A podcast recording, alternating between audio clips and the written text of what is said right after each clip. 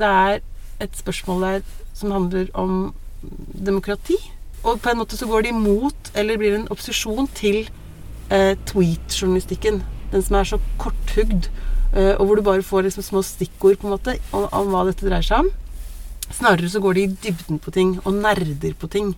Og hvis de klarer å nerde på eh, samfunnsspørsmål, viktige demokratiske spørsmål, eh, som på en måte hvermannsen kan bli engasjert i å lytte til, så har jo det betydning for demokratiet. Både for hva folk hører på, og hva folk får vite, men også selvfølgelig hvem som deltar. Fordi alle kan lage podkast. Det sa Ragnhild Fjeldro. Hun er stipendiat ved Institutt for medier og kommunikasjon på Universitetet i Oslo. Mitt navn er Arne Krumsvik.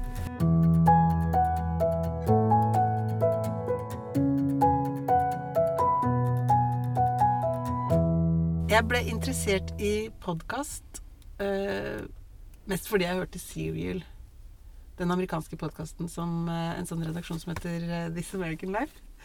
Um, veldig kjent redaksjon i Statene. Um, de fant ut at nei, nå skal vi lage en sånn spin-off, og så lager vi en, en helt annen greie. Uh, og det skal være en serie uh, som skal være den samme historien hele veien. Uh, det ble en serie på noe sånt som 11 eller 12 episoder. Og både Sarah Koenig og produsenten Julie Snyder var veldig skeptiske, tror jeg, i starten. Tenkte herregud, det er ingen som gidder å høre på dette. Nå er den blitt lasta ned Nei, det er laget to serier. Begge to er lasta ned 242 millioner ganger over hele verden. Den er mye, mye, mye større enn This American Life. Som jo var liksom the mother. Hva var så magisk med disse her seriene? Det er jo det å kunne holde på lytteren over så mange episoder. Eh, få dem med på en sånn type historie. Over så, over så en sånn intrikate, detaljerte biter.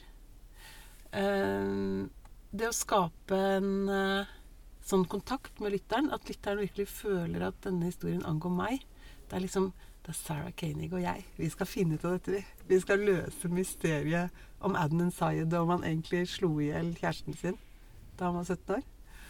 Så du føler deg utrolig sånn engasjert i det. Og det tror jeg handler både om dramaturgi, at de er kjempegode på å fortelle historier, men også om eh, noe med det derre on demand, at du velger selv å laste ned det her. Du velger selv at nå har jeg lyst til å høre på denne historien, gå inn i det. På samme måte som jeg sitter i sofaen hjemme og velger å se på Nå skal jeg se på True Detective. Eller nå skal jeg se på Making a Murder. At det er den derre serialiseringen, eller serialization. Er det litt i slekt med sånne gamle føljetonger som var i aviser og ukeblad i gamle dager? Kanskje på en måte. Det har jeg ikke tenkt på, men det kan godt hende. Eh, fortsettelse følger i neste nummer. Men den er jo irriterende. men det er litt sånn eh, De ga ut en ny eh, serie i en dansk podkast nå rett før jul som heter eh, 'Kvinnen med den tunge koffert'. Som har litt sånn De er til og med på besøk i Norge. Utrolig spennende historie. Og den kjenner jeg den nærmer seg liksom det som Serial fikk til. ja. Med å skape en sånn type spenning, og at du engasjerer deg veldig i personen det handler om, og han som forfølger dette mysteriet og sånn. Eh, sju episoder på dansk eh, som er laget av Third Ear, eh, som har samarbeid med politikken i Danmark. Men der, er den, der begynte jeg å høre på også mens de ennå ikke var, hadde produsert alle. Og kjente på den der utålmodigheten. Kan det bli mandag snart? Så jeg får lasta ned neste episode. At du, du, ønsker at det skal komme snart, da. Så det er jeg litt spent på, egentlig. Om hvordan, hva de gjør med det. Om de begynner å legge ut alle episodene på en gang. Og la folk få styre det sjæl. Eller om de fortsetter å holde på spenningen. Jeg tror ikke det nødvendigvis er så viktig for selve podkasten, da. Jeg tenker at det er historien og det at du engasjerer deg i den. og at det er en, en, serie fordi det er så lange episoder. Det er så lang fortelling. Men du skal studere dette her nå i flere år og ta doktorgraden din på podkast. Ja. Um, hva er det du prøver å finne ut? Jeg har lyst til å forske på podkast, men da forske på intimitet. Fordi radio er jo et veldig intimt medium. Og det er liksom opplest og vedtatt at radio er intimt. Det er fordi du får bare stemmene, du er ofte alene når du hører på. Eh, det er en sånn ja, intim stemning Husker du Nattradioen for noen år siden? Det er liksom definisjonen på intimt. Da. Og så tenker jeg at eh, podkast er også intimt på samme måte som radio. Men de driver og drar litt veksler på eh, sosiale medier og den sjangeren der òg. Sånn at de blir liksom enda mer intime. Og da fins det en forsker som heter uh, Derry fra England. Han sier at podkasten er ikke bare intim, den er hyperintim. Uh, og det, i det legger han at selvfølgelig at det er stemmene. Um, og at det er ofte lyttere som er alene når de hører på. Du bruker headset. Det kommer helt inn i øret ditt. Det er, liksom, det er som om du er liksom en del av historien. Um, men også tror jeg at det handler om tematikken. Hva man tør å snakke om. Uh, og det trenger ikke å bety at man må snakke om sex, men at man snakker om veldig intime ting. Uh, og så at man også tør å bruke et språk som er mye mer personlig og naturlig og skravlete. Som man ikke gjør i f.eks. NRK i like stor grad. Kanskje i Salongen i P2. Så prøver de seg på en litt mer sånn muntlig sjargong, liksom. Men ellers har det vært ganske sånn institusjonalisert. Eh, banning. Helst ikke, sant? Mens i podkasten så gir de jo faen i det. så det er bare De snakker mye mer eh, privat og intimt. Eh, og så er det det forholdet til lytteren at det også blir mer intimt. Radio er jo sånn du slår på litt sånn mens du kjører bil, mens du lager middag, mens du gjør deg i stand om morgenen. Um, og så kommer det bare noe. Og så vet du ikke Å ja, det var jo Kulturnytt nå, ja. Det var fint at jeg fikk med meg, liksom. At det er litt småtilfeldig for de fleste av oss. Mens podkasten er jo noe du faktisk velger. Og dermed så dannes det jo en sånn intim relasjon også til lytteren. At det, du, du er blitt valgt av en lytter. og det som skjer da, er jo også at det oppstår relasjoner, tror jeg, eh, mellom de som produserer og snakker, og de som lytter på. Mm, ikke bare fordi man kan kjenne at man er like, eller at man har det samme prosjektet, at man skal finne ut av dette mysteriet, eller snakke litt om ting man er opptatt av. F.eks. Harm og Hegseth, som er to unge fyrer i VG som lager en podkast hvor de eh, Som kanskje for folk i min generasjon kan kjennes litt slitsom, fordi de snakker i munnen på hverandre. Eh, mye eksplisitt språk, mye kjendissladder. Men jeg hører jo at de har det kjempegøy og blir jo engasjert, fordi de er så engasjert i det de snakker om. Du er gammel uh, radiojournalist og radiolærer sjøl. Uh. Hvordan, uh, hvordan liksom, reagerte du på alle disse sjangerbruddene? Jeg ble jo litt sur i noen ganger, særlig sånn med lydkvalitet. Jeg er jo opptatt av lydkvalitet og veldig opptatt av at man alltid skal bruke headset og helst sitte i studio, for da er det best lyd. Uh, nå sitter vi i en Volvo med en bærbar opptaker. Hva syns du om det, egentlig? God idé. det er mye mye bedre enn å sitte i et kontorlokale med masse ventilasjonsanlegg som suser i bakgrunnen, og stort rom med masse luft og klang og sånn. Så jeg foretrekker Volvo. Eh, men studio hadde vært best. Men jeg tenker jo at eh, lydkvaliteten kan irritere meg litt, da. Eh, det har ofte irritert meg på radio òg. Hvis du hører bil, og så er lydnivået på en som snakker kjempehøyt og lydnivået på en annen kjempelavt. Så du må sitte og være lydtekniker sjæl i bilen. Ekstremt irriterende. Men samtidig så er jo det noe med Jeg tror det forteller noe om selve media eller formatet. At podkasten som teknologi har eksistert i over ti år. Uh, og flere amatører har begynt å lage podkaster for lenge siden, eller allerede da. Um, og det betyr jo at da er det allerede en slags uh, aksept for at teknikken ikke nødvendigvis er så bra. At det skal være lett og enkelt og bare et tastetrykk unna. liksom. At på trykk på, på rekk-knappen, så har hun. Um, og at det er en del av det enkle ved det. da. Um, mens radio er jo mye mer avansert fordi du trenger så mye utstyr, og utstyr er dyrt. Og du må bestille tid i studio, masse opplegg. Um, mens podkasten som format skal være mye enklere. Uh, så jeg har blitt litt flinkere til å akseptere at Jeg hørte på et intervju i, i, dag som en forsker i Australia, som er en av de få som forsker på podkaster. Uh, hun hadde gjort et intervju med hun Julie Snyder, produsenten i Serial. Og da satt de på Skype. Uh, dårlig telefonlinje. Det var jo sånn no go, egentlig, i radio da jeg jobba der. Uh, helst ikke telefona. Det er så dårlig lyd.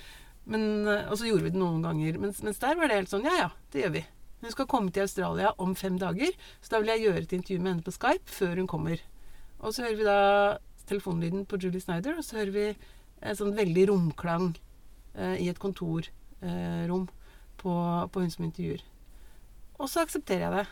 Det blir greit, for det blir, er spennende å høre på likevel, liksom. Det skaper jo også en viss sånn autentisitet. Altså, det kjennes autentisk. Kjennes som om eh, eh, dette er noe som er virkelig. Og det finnes det samme altså Apropos virkelig, de hadde jo en sånn juleavslutning på Aftenpodden og på Joffen og Giæver. Det er to sånne som jeg kaller samtalepodkaster, da, hvor man bare sitter og skravler. Um, kommentarjournalister. Uh, hvor de snakka mye om den uh, debatten som har vært i høst, om virkelighetslitteratur. Og, og kom virkelig inn på en sånn uh, Hva er virkelighet, egentlig? Jeg trodde jeg, kunne, jeg trodde jeg, hadde grep om virkeligheten, men nå skjønner jeg ingenting. Litt der. Da var det jo sånn type lyd sant, som bare var sånn opptak fra Kulturhuset, fra scenen der. Og VG får det til ganske bra. Og Aftenpodden har så elendig opptak. Og likevel, de legger det ut. Eh, da velger jeg selvfølgelig å høre på VGs uh, versjon. men, men allikevel så er det noe med at terskelen er så lav, da. Så man Nei, men det skal ut til lytteren. Um, og det kjennes uh, autentisk. I hvert fall for oss som følger med, følger med på dem. Ja. Er du kommet så langt at du har formulert et forskningsspørsmål? Ja, jeg uh, har jo tre, egentlig sånne research questions, mm. som vi kaller det. Uh, og det første handler om uh, innholdet. Hvordan er eh, innholdet i podkasten intimt? Og da skal jeg forsøke å finne ut av det ved å sammenligne rett og slett innhold i et utvalg podkaster med innholdet i blogger og innholdet i kommentarjournalistikk. fordi det er jo kommentarjournalister som også lager podkaster. Og hvordan er de forskjellige podkastene på print?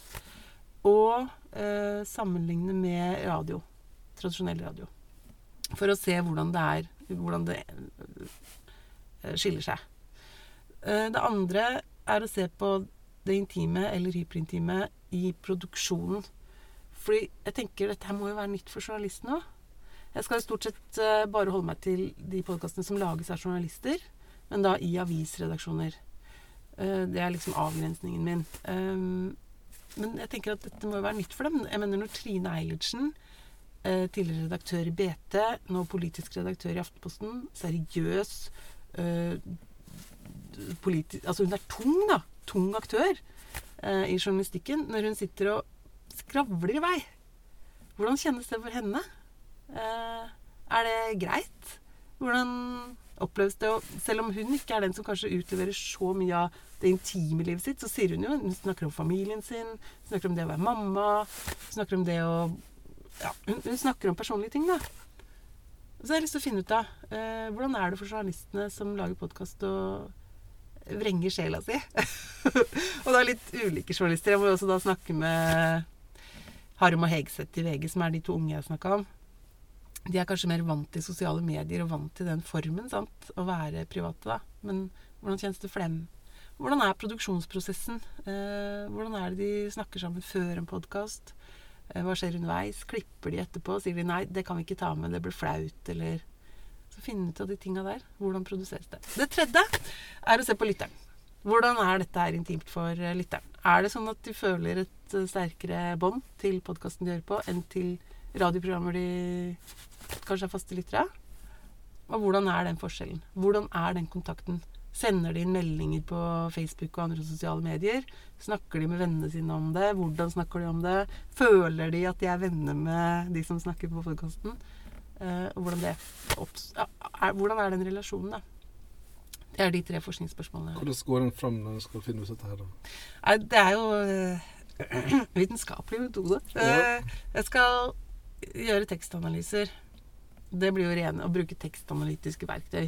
Og da tenker jeg litt ulike verktøy. Retorikk er noe av det. Narrasjon. Semiotikk. Altså litt sånn typiske verktøy. Men der har du jo verktøykassa di. Og der er det jo på en måte innholdet som bestemmer hvilket verktøy du skal bruke.